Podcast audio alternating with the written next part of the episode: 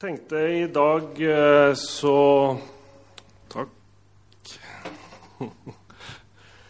At jeg skal eh, prøve å si litt om eh,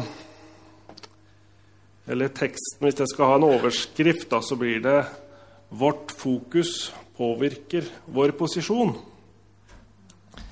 Og når jeg sier posisjon her, så mener jeg jo ikke vår posisjon som frelst, fordi det er ingenting som kan rikke ved frelsen vår, vi som har tatt imot Jesus og som tror på han. Det er ikke det jeg mener. at vi, eh, eh, Fordi er vi frelst, så er vi frelst og tilhører Jesus. Men det, det vi har fokus på, det påvirker vandringa vår. Det påvirker hvordan vi opplever ting, hvordan vi ser ting, hva vi ser, og hvordan vi reagerer når ting skjer.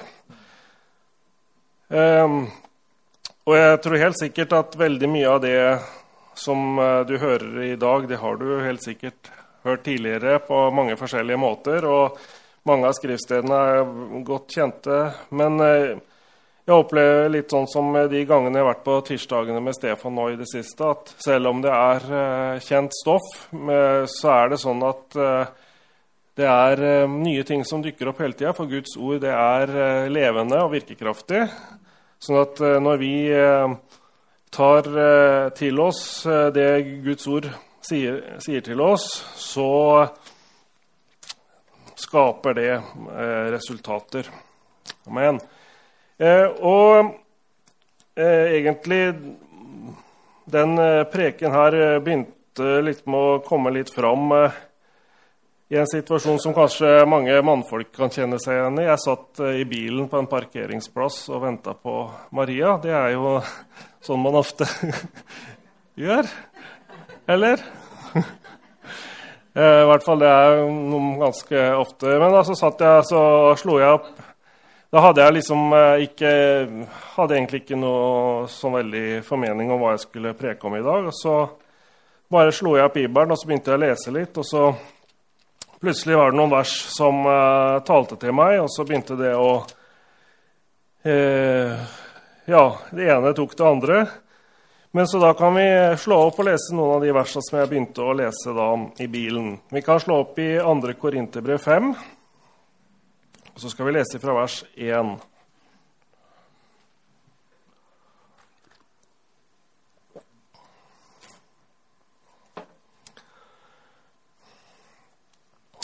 For eh, vi vet at om vår jordiske hus, dette teltet, brytes ned, har vi en bygning av Gud, et hus som ikke er lagd med hender, evig i himlene.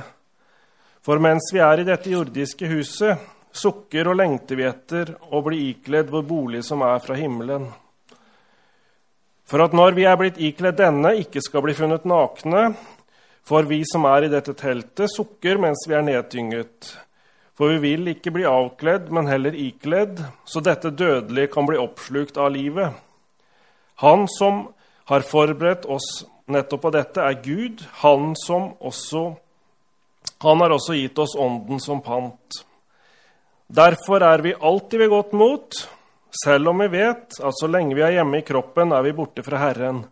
For vi vandrer ved tro, ikke ved det synlige.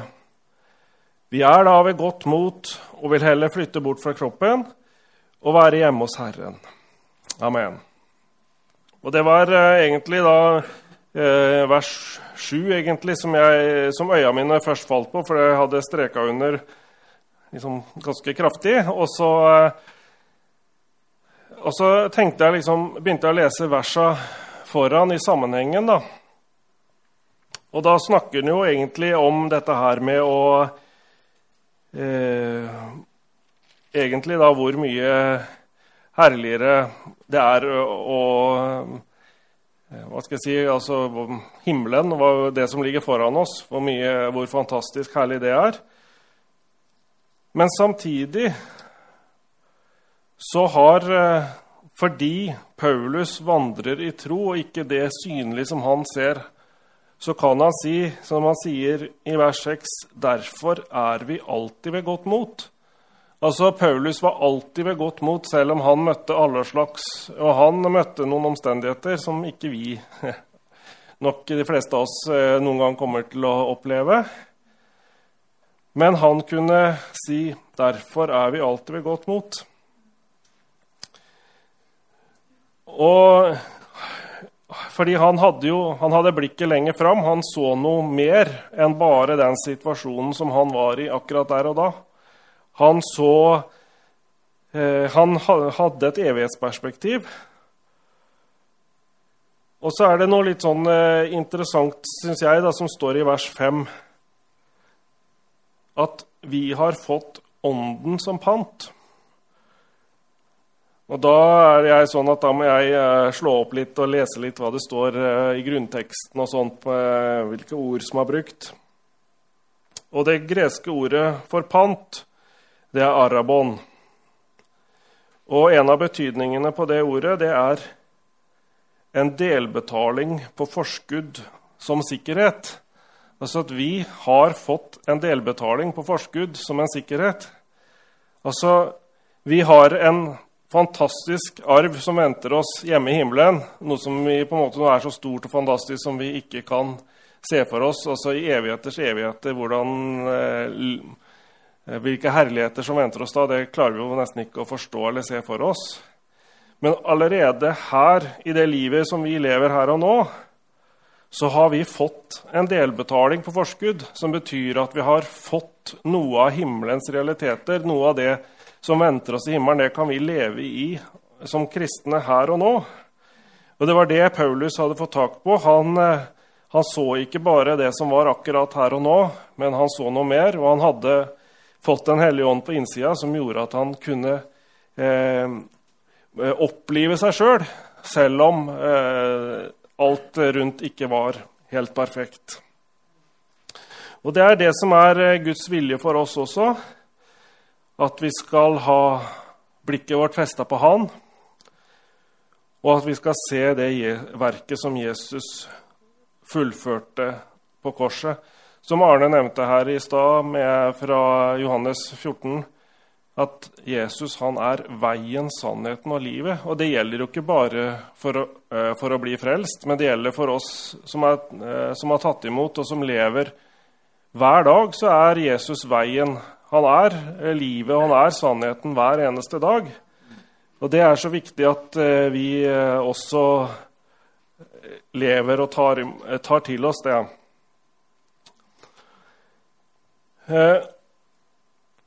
Og så er det jo sånn da at eh, selv om det, vi vet jo at det er det som er Guds vilje, og det som er eh, Guds plan, så er det ofte sånn at det er eh, mange ting som kan påvirke oss, eller gjøre at mange ting som kan få fokuset vårt. da. Og jeg har prøvd også bare ramse opp noen ting som kan være sånne ting som gjør som får fokuset. Og en stor ting som jeg skal si litt mer om og komme litt inn på senere i preken her, det er oss sjøl. Det er en veldig stor ting. Eh, at eh, det er veldig lett at vi setter vår lit til oss sjøl. At vi setter vår lit til hva vi får til. Det kan uh, gjøre at fokuset blir på oss og ikke på han. Eh, som Paulus opplevde mye av, vanskelige omstendigheter. Det kan jo vi også oppleve, vanskelige omstendigheter. Og da er det jo noe med å lære seg å vite hvor man skal feste blikket da, når man kommer i alle slags situasjoner. Veldig lett er det da at det blir omstendighetene som blir veldig store, og som får eh, lett eh, blikket vårt og fokuset vårt. Det kan være vanskelige mennesker. Det har vi også alle møtt på vår vei. Eh, mennesker som ja, rett og slett kanskje gjør livet surt. Det er fort gjort å møte på noen sånne. enten i, Det kan dessverre være noen ganger i menighetsliv, men det kan være på arbeidsplasser og i familiesammenhenger og alt mulig, at man møter på Og hva gjør vi da? Hvordan eh, blir det det som blir fokuset vårt? Blir det det som tar, eh, stjeler eh, energien vår, eller som tar, tar blikket vårt? Det kan være sykdom. Noen sykdommer har jo kanskje et, si, et større navn enn andre. Noen sykdommer får, får mye oppmerksomhet. Og det er jo sånn at eh, det er veldig lett Og det, det er også veldig naturlig, men det er veldig lett at sykdom det kan bli, det kan bli veldig stor. At man kan øh, Den roper ofte veldig høyt. Eh, men Gud han ønsker jo at vi først og fremst skal ha blikket vårt på Han. Og det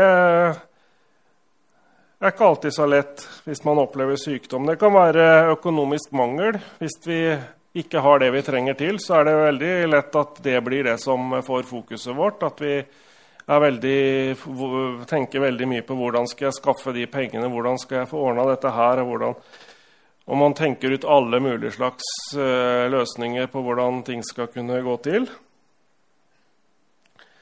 så kan det faktisk også være at vi får et feilaktig fokus på Guds gaver eller på enkelte tjenester eller noe sånt noe, kontra Gud sjøl.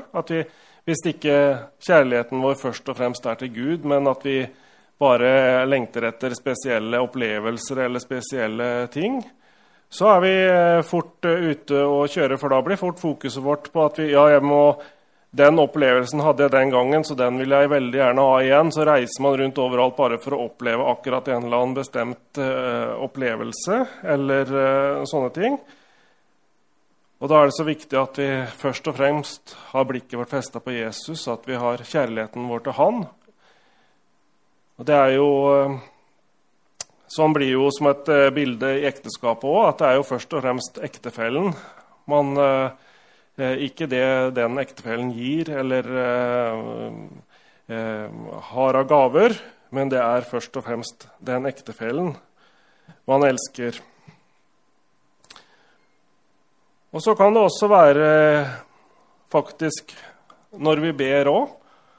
Altså hvis vi har et feilaktig bilde av Gud når vi ber, hvis vi hele tiden uh, ber for å prøve å overbevise Gud, eller at det blir det som blir fokuset vårt, at vi tror at Gud egentlig ikke ønsker å svare oss, men hvis vi er flinke nok til å mase og overbevise, så kanskje han ønsker å høre oss.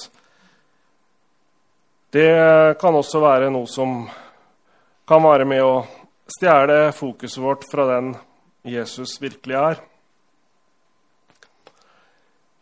Så noe av det skal jeg vel prøve å eh, få sagt litt mer om nå i løpet av preken her. Men vi kan gå videre i ordet her. Skal vi eh, gå til Jakob 1.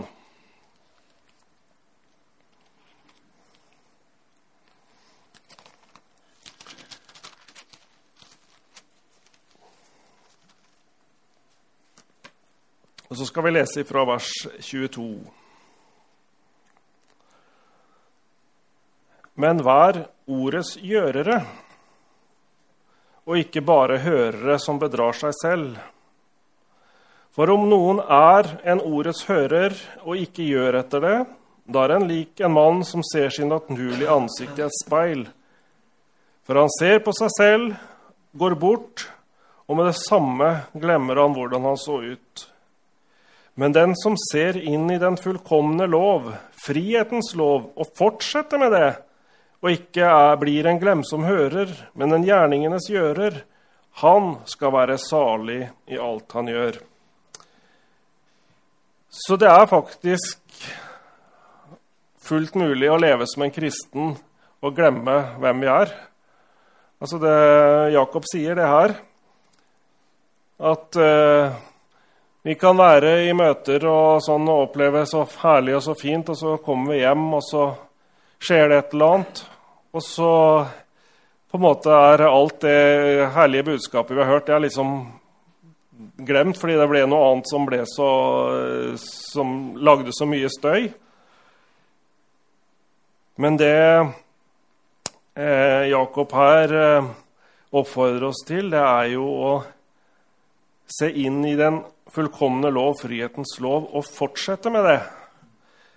Det er det som er så viktig, at vi fortsetter med det. Og vi kan se litt en sånn utvidelse på en måte av det verset her, eller eh, i 2. Korinterne 3.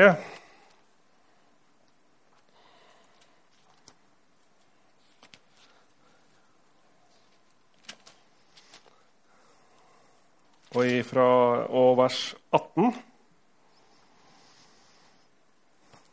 Så er det sånn da for oss det her er skrevet til oss. Men alle vi som med utildekket ansikt ser Herrens herlighet som i et speil, blir forvandlet til det samme bildet fra herlighet til herlighet som av Herrens ånd. Så det er det det handler om, at vi må Hvis vi ser inn i speilet, som er ordet her, da blir vi forvandla til det samme bildet. Og da begynner vi å se ting på samme måte som Gud ser tinga. Og da blir det også veldig bra. Jeg leste i Amplified dette verset her sånn. Og da prøvde jeg å oversette det til norsk. Og da står det på denne måten her. Og alle oss som med utilslørt ansikt, fordi vi fortsatte å se i Guds ord, som i et speil Herrens herlighet, blir konstant forvandlet til hans eget bilde, i alltid økende herlighet fra én grad til en annen, for dette kommer fra Herren som er Ånden. Så det er eh, kolossalt når vi eh, lar det han sier til oss i sitt ord, når det får eh, lov å få førsteprioritet, eller når det får når det blir det som blir den viktigste sannheten, det som står her, ikke det vi opplever på andre fronter, hvis det blir det her som blir det viktigste sannheten, eh, og vi tillater oss sjøl å se inn i hans speil, så blir vi forvandla til det samme bildet. Ja, og Gud ønsker som sagt at vi alltid skal ha fokuset vårt på Han. At vi alltid har speilet foran oss, at vi alltid ser Han framfor oss. Og det er jo selvfølgelig det speilet der vi ser Kristus og ikke oss sjøl. Eh, jeg husker eh, jeg jobba på Diplomis for mange år siden. Og der eh, var det sånn, et sånt kort som de ansatte fikk, Sto, da sto det på det kortet Hvem er kvalitetsansvarlig her på bedriften? Snu kortet. Og så snudde man kortet, så var det et speil eh, på andre siden. Så det betydde jo at det var liksom alle som hadde ansvar. Da. Men det er jo litt sånn at når vi, eh, når vi eh, Da blir det på en måte på en annen måte, da, men at vi, når vi opplever en situasjon, så er det hvilke, hva er det vi skal se, hva er det vi eh, skal oppleve. At, eh, og da er det Jesus vi skal se i den situasjonen først og fremst. For når vi ser Jesus først og fremst, så blir det eh, Da blir det faktisk sånn at da blir det han som blir ansvarlig for resultatene. For Hvis vi bare ser oss sjøl, da blir det vi som blir ansvarlig for å finne ut av situasjonen. Det blir vi som blir ansvarlig for å rydde opp. Og, og mange situasjoner, eller Noen situasjoner klarer vi sikkert på menneskelige måter å finne ut av å løse, men veldig mange situasjoner er det ikke mulig å løse på menneskelig vis. Og når vi møter sånne situasjoner, så er det så viktig at vi allerede før vi kommer i en sånn situasjon, har lært oss å stole på Herren. At vi har lært oss å forstå det at Han ønsker å være der. Han har noe å si til oss, han har noe å gi oss. Han har noe eh, han har en løsning på situasjonen. Så ser vi Jesus, så blir det han vi setter vår lit til. Da tenkte jeg litt eh,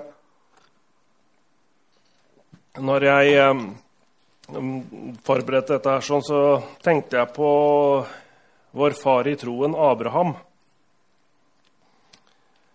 Og litt hvordan han eh, Eh, det er jo litt interessant å se på hvordan han eh, reagerte i de situasjonene han var i. Men vi leser jo fra de kjente versene fra Romerne 4. Kan vi ta noen vers derfra?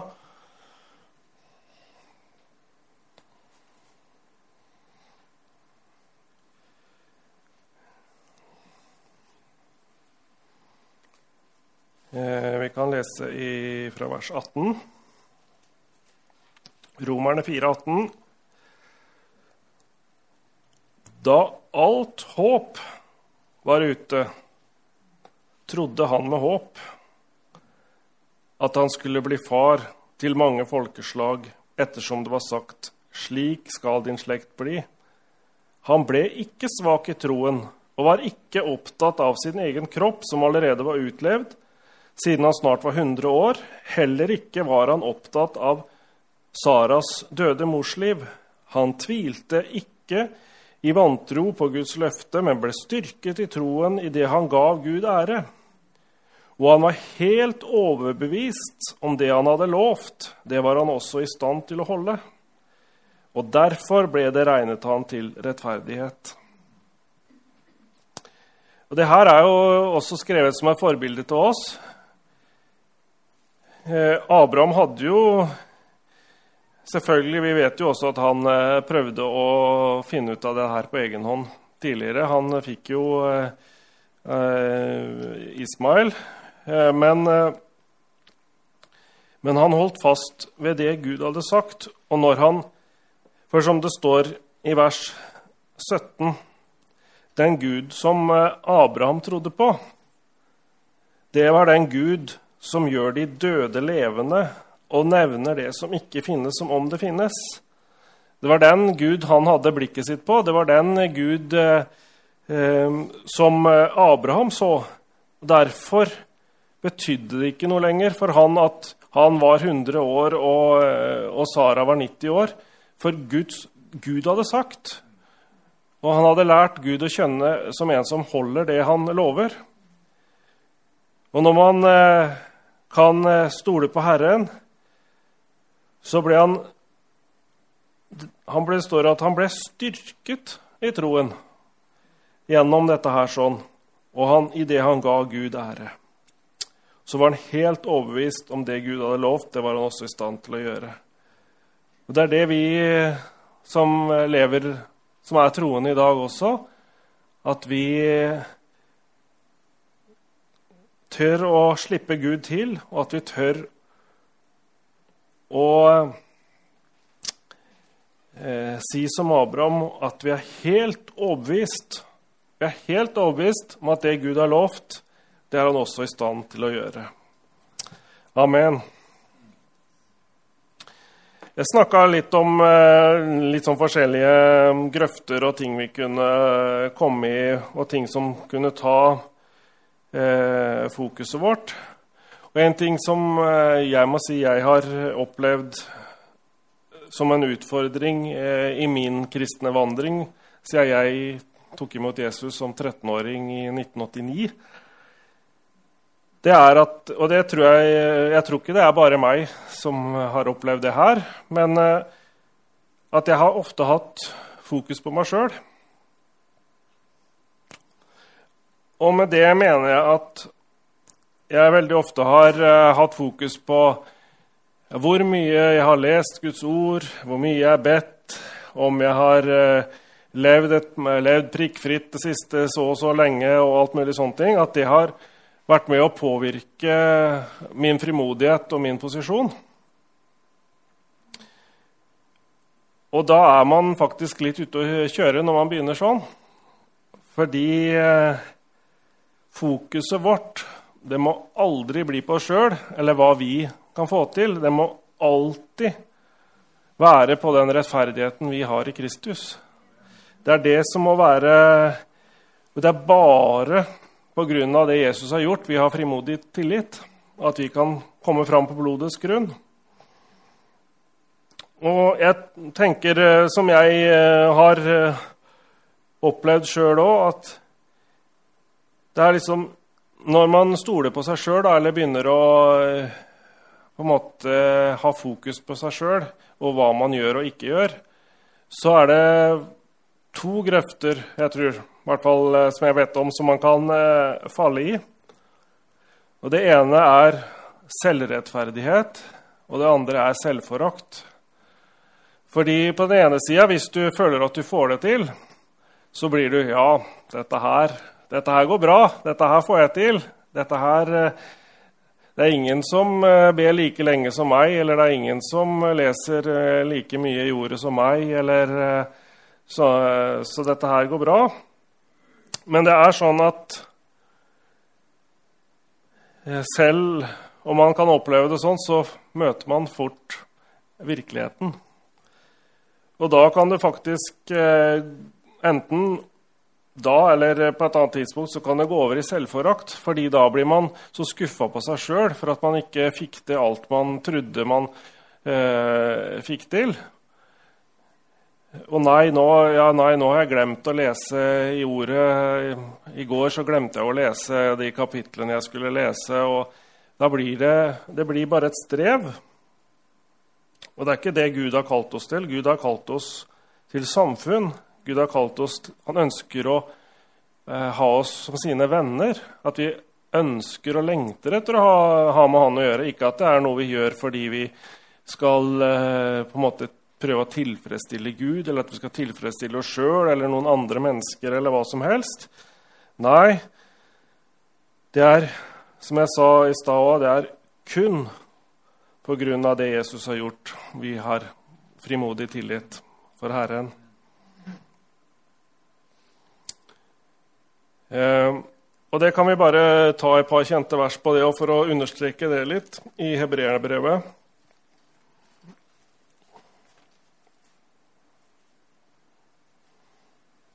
kapittel 9.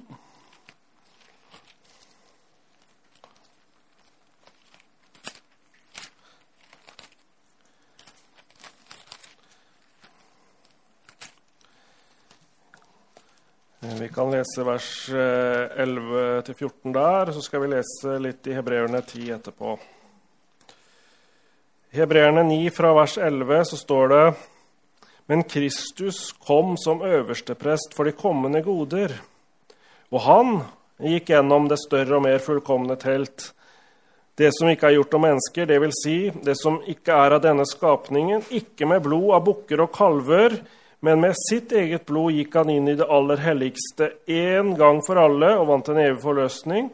For om blodet av okser og bukker og asken av kviger helliger til kjødets renhet når det blir stenket på den urene, hvor mye mer skal ikke da Kristi blod, han som en evig pakt bar sin evig ånd bar seg selv fram uten feil for Gud, rense deres samvittighet fra døde gjerninger, så dere kan tjene den levende Gud. Så det er det Jesu blod som renser oss fra døde gjerninger, sånn at vi kan tjene Gud. Og eh, det er det som eh, gir oss frimodighet. Og I Hebreerne 10, fra vers 19, så leser vi Derfor, søsken, har vi frimodighet til å gå inn i helligdommen. Hvorfor da? Jo, ved Jesu blod. Vi har en ny og levende vei som Han har innviet for oss gjennom forhenget, dvs. Si hans kjød. Og siden vi har en øversteprest over Guds hus, så la oss komme nær med et samferdig hjerte i troens fulle visshet etter at vi har fått våre hjerter overstrenket og på den, må på den måten blitt renset fra en ond samvittighet, og også har fått våre kropper vasket med rent vann. Amen. Så det er uh, godt å vite at det er en som har bana veien for oss, det er en som har gjort det mulig, sånn at vi kan få komme inn for Han. Så står det at vi kan alltid komme fram for Gud. Enten vi føler oss verdige eller ikke. Det er ikke vår sjølfølelse Gud er ute etter. Det er hva Jesus har gjort, som bestemmer om vi får lov til å komme fram eller ikke. For det er på blodets grunn som vi får lov til å komme fram. Og eh, Jeremia, I Jeremia så leser vi en, eh, advarsel mot det å stole på eh, det menneskelige eller eh, kjødet. Vi kan eh, se noen vers i Jeremia 17.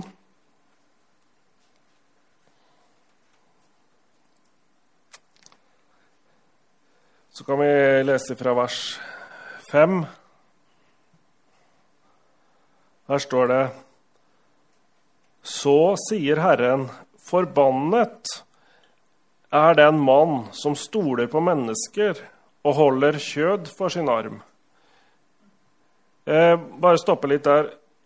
Det her kan jo både gjelde at man stoler på seg sjøl, men det kan også gjelde at vi stoler på andre mennesker. At vi setter andre mennesker over Gud. At vi hører mer på hva andre mennesker sier, eh, enn å virkelig lytte til Gud. Det er dessverre mange mennesker som har gått feil fordi de har eh, lytta til mennesker de ikke skulle ha lytta til. At man har uh, hørte inn røster som eh, ikke var fra Gud. Eh, så står det videre ja, å holde kjød for sin arm, den som har et hjerte som vender seg bort fra Herren. For han skal være lik en einer i ørkenen. Han skal ikke få se det gode komme, men han skal bo i uttørkede steder i ødemarken, i et saltland som ikke er bebodd. Og det er vel ikke det vi ønsker. Vi ønsker vel egentlig ikke å bo i øde, tørke, tørre steder. Vi ønsker jo å ha del i alt det gode som Gud har å gi oss. Og da har vi faktisk fasiten da, i det neste verset her.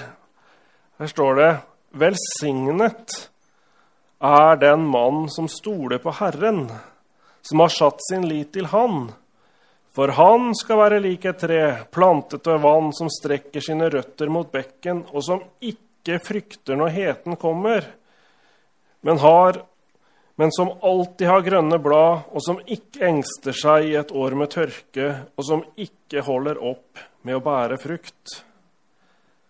Tenk deg det, at vi kan få lov til å leve sånn her, at vi ikke frykter når heten kommer, og at vi ikke engster oss i et år med tørke, fordi vi vet at vi har en som forsørger oss, vi har en som bryr seg om oss, vi har en som har sagt at han er med oss. Så det er utrolig eh, herlig.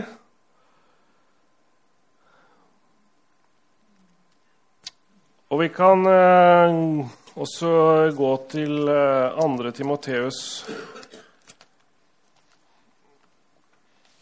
som eh, slår fast hva det er som eh, gjør at vi kan få lov til å komme fram for Han, og at vi kan få lov til å oppleve dette her. Det ser vi i 2. Timoteus eh, kapittel 1. Eh, vers 9.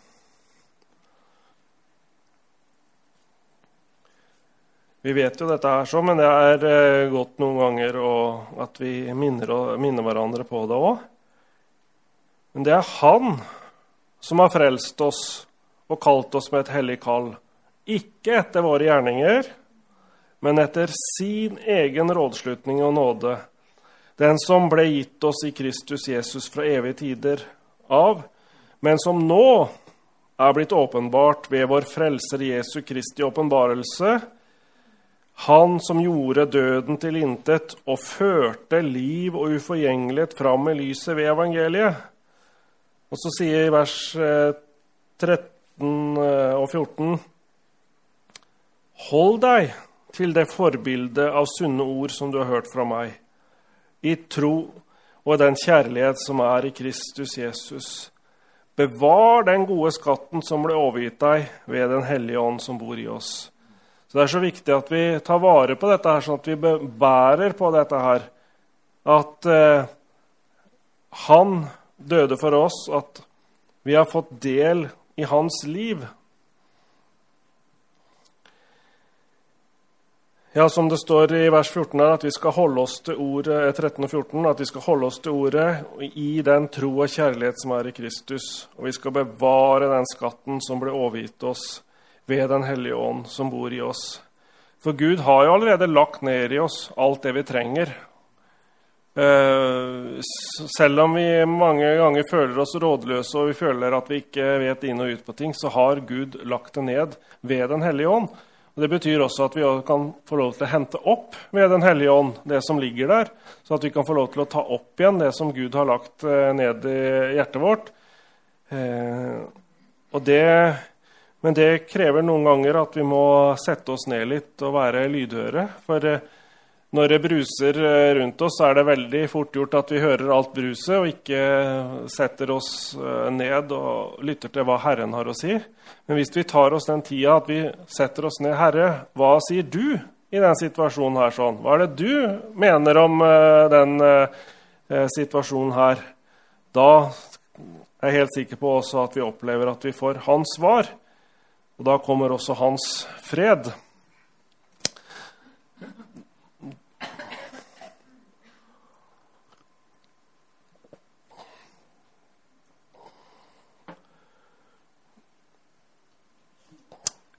Og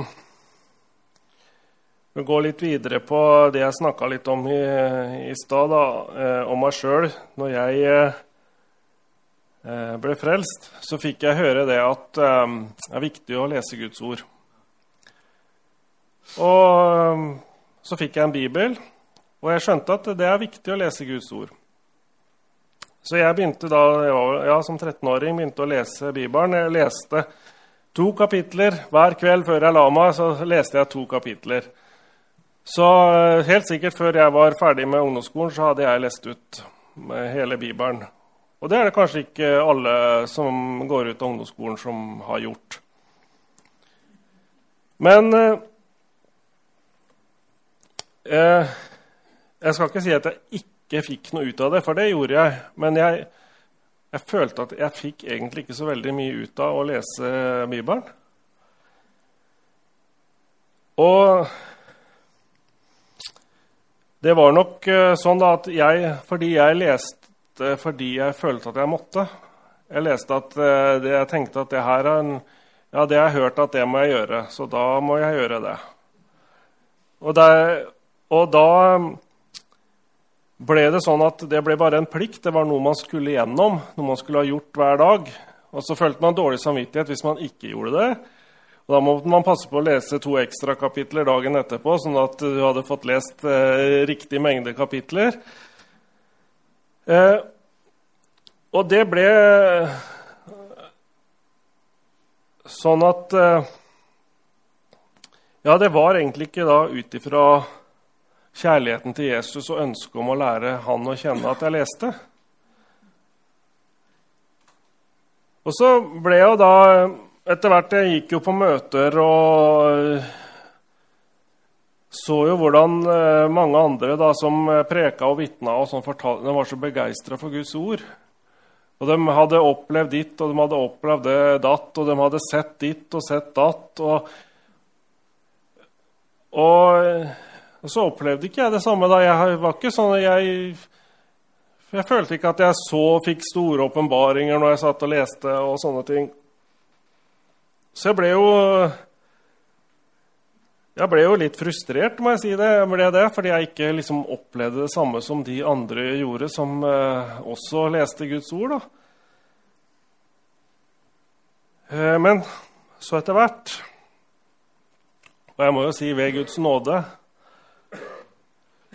så begynte det å vokse fram en kjærlighet til Guds ord i meg. At det begynte å bli sånn at jeg fikk lyst til å lese Guds ord. At det var ikke bare sånn at det her må jeg gjøre fordi noen har sagt at jeg skal gjøre det. Men jeg gjorde det fordi jeg hadde lyst sjøl. Og da, etter hvert, så begynte Guds ord å åpne seg.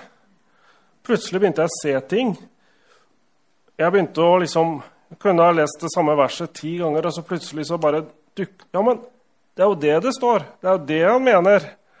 Og det begynte å bli spennende. begynte, det begynte å bli en glede å lese Guds ord. Det var sånn at man som gleda seg til å åpne Bibelen igjen fordi man forventa å få noe.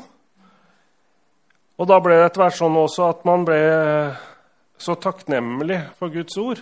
Fordi så, for jeg begynte å forstå hvor viktig det Gud sier til oss, er i vandringa vår. At det å ha Guds ord på innsida her, hvor viktig det er for at vi eh, skal kunne leve livet sånn som Gud har tenkt at vi skal gjøre. At vi skal ha, få tak i og få del i alt det gode som han har for oss. Og da ble det sånn at jeg bare når jeg, når jeg, Og når jeg åpner Bibelen nå, når jeg ber, eller når jeg leser, så ber jeg ofte Takk for din visdom. Takk for din åpenbaring. Takk for at når jeg leser ditt ord nå, så har du noe nytt. Du har noe å vise meg, du har noe å si meg når jeg leser ditt ord. Og så kan jeg lese ordet, og så kan jeg Noen ganger så bare leser jeg, og så det er ikke noe spesielt med det, men det er velsignelse i det å lese Guds ord. Andre ganger så plutselig så bare popper det opp ord som man kanskje har lest mange ganger før, men som blir levende på en helt ny måte. Og det er eh, så fantastisk å lese Guds ord ut ifra at det er noe man har lyst til, og ikke ut ifra at det er noe man har en tvang til. Så det er, eh, det er også en side ved det at hvis eh, fokuset mitt, fokuset mitt kom eh, bort ifra at jeg måtte, men til at jeg ønska Jeg ønska å lære frel, min frelser og venn jeg ønska å lære han bedre å kjenne. Og når det ble fokuset, så ble ordet levende. Amen. Så er det noen sider da, som vi også sikkert eh, kjenner godt til, men som er viktig for eh, hvordan fokuset vårt påvirker oss. Vi kan eh, gå til hebreerne 12.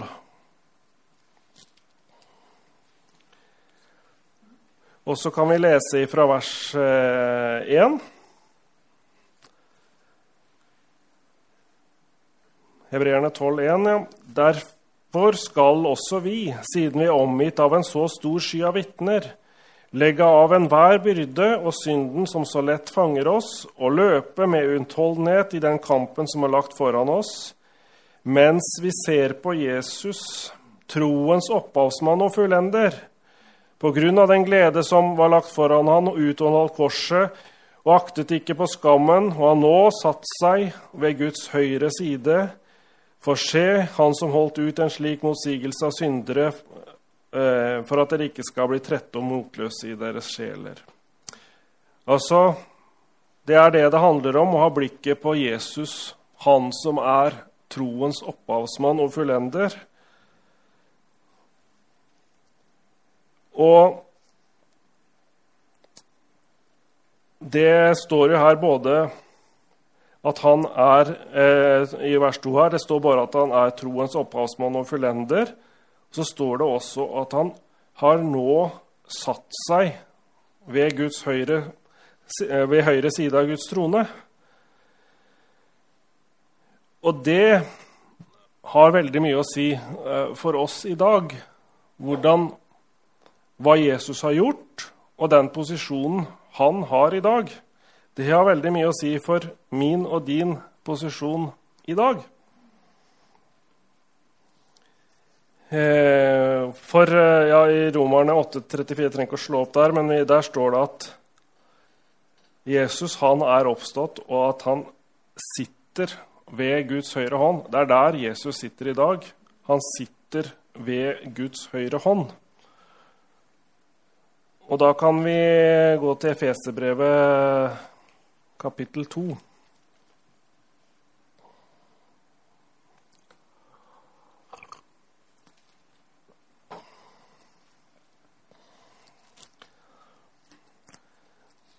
Kapittel 2 vers 6 står det Så Jesus sitter ved Guds høyre hånd i himmelen i dag. Så står det at Gud oppreiste oss sammen med Han, altså sammen med Jesus, og satte oss sammen med Han i den himmelske verden i Kristus Jesus. Tenk for en fantastisk eh, posisjon. At det kan vi ha fokuset vårt på.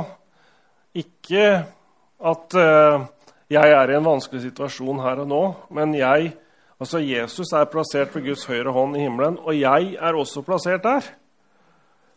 Og noe som ble veldig til velsignelse for meg en gang jeg leste dette her, så sier Herren til meg Jeg satt og leste Efeserne 2, 6, og så sa Herren Les først det verset, og så leser du vers 21 i kapittel 1 etterpå.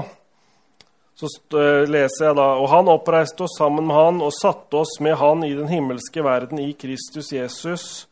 Og vers 21 i kapittel 1 sier Høyt over all myndighet og makt og kraft og herredømme over ethvert navn som nevnes, ikke bare i denne tidsalder, men også i den kommende.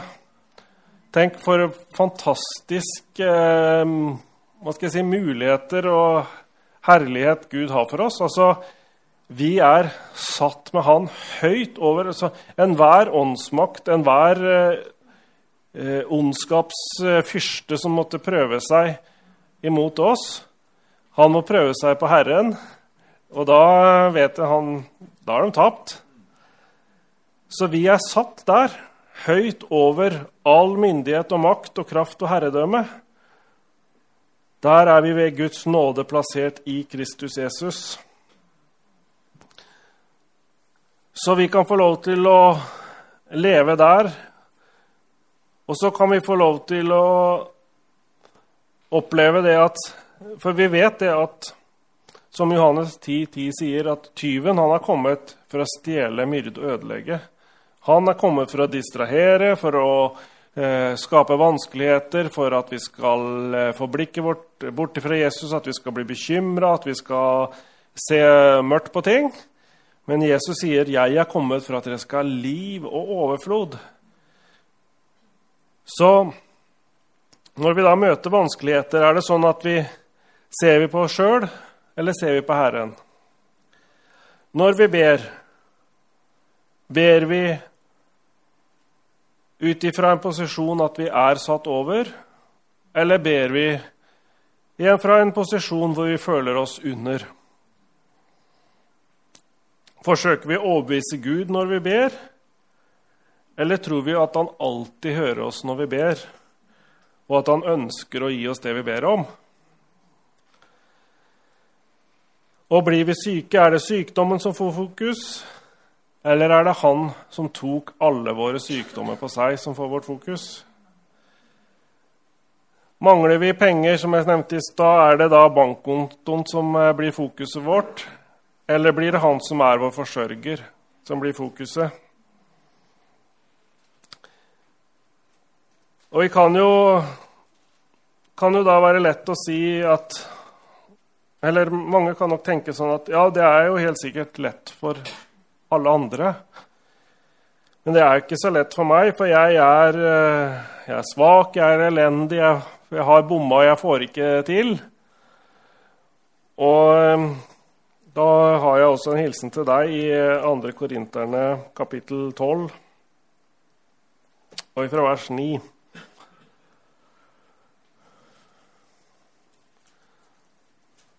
så er det Jesus som sier til eh, Paulus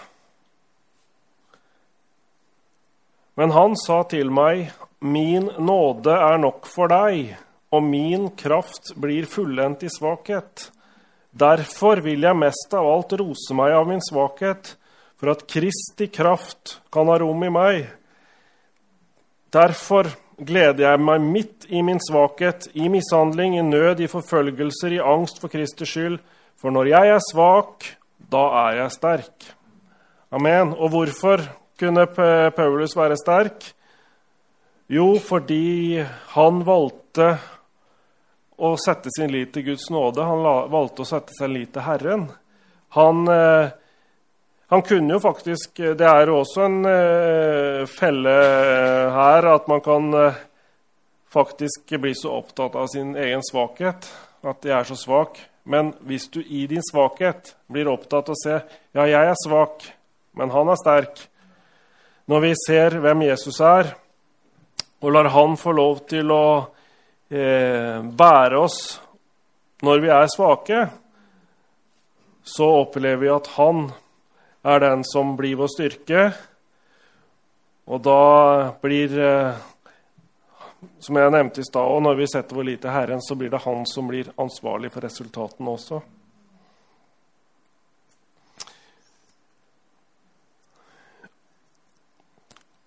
Og eh, I 1. Korinterne 3,10 så står det, det at grunnvollen må være Kristus. Eh, og Kristus, altså Det må også være det i våre liv. At det er vårt ansvar faktisk hvordan vi bygger videre, står det her. Hvis det, I eh, vers 11 òg kan vi ta med. Men ingen kan legge noen annen grunnvoll enn den som har lagt. Det er Jesus Kristus. Så Jesus, det han har gjort, det må være grunnvollen. Det var det vi må bygge alt vårt liv på. Og det er det vi leser om i Matteus 7 òg, hvor det står om den vise byggmesteren som bygde huset sitt på fjell. Det er jo en eh, hva skal jeg si, parallell til det verset som står der. At når Kristus er grunnvollen, da blir vi stående. Men hvis vi bygger på egne verk eller eh, hva andre mener og tenker og sier, da tåler ikke livets stormer. For livets stormer kommer. Det kommer om det er store eller små eh, ting. Så vil alle oppleve at eh, ting eh, kommer imot oss. Men når Kristus er grunnvollen, da blir vi stående. Så Gud han ønsker det at vi skal leve i alt det gode han har for oss. Han har så mange velsignelser, og vi vet det at Bibelen består jo av eh, over 30 000 løfter, er det ikke det? Og alle de løftene eh, Selvfølgelig er det noen løfter som gjelder eh, for bestemte tider og for Israel, og sånne ting, men Gud har så enormt mange løfter om at han ønsker å velsigne oss, at han ønsker å gi oss alt det vi trenger til. Og det er eh, mer enn nok ting som ønsker å ta fokuset vårt bort fra det, på omstendigheter og sånne ting. Men når eh, eh, blikket vårt er på Jesus, da får han også muligheten til å vise hvem han er. Når vi ser han, så får vi også lov til å se hvem han er. Og mot avslutningen her sånn, så tenkte jeg at vi skal se litt på Paulus igjen. da. For han hadde jo jeg må si han hadde veldig mange muligheter til å bli bare både skuffa og mismodig. og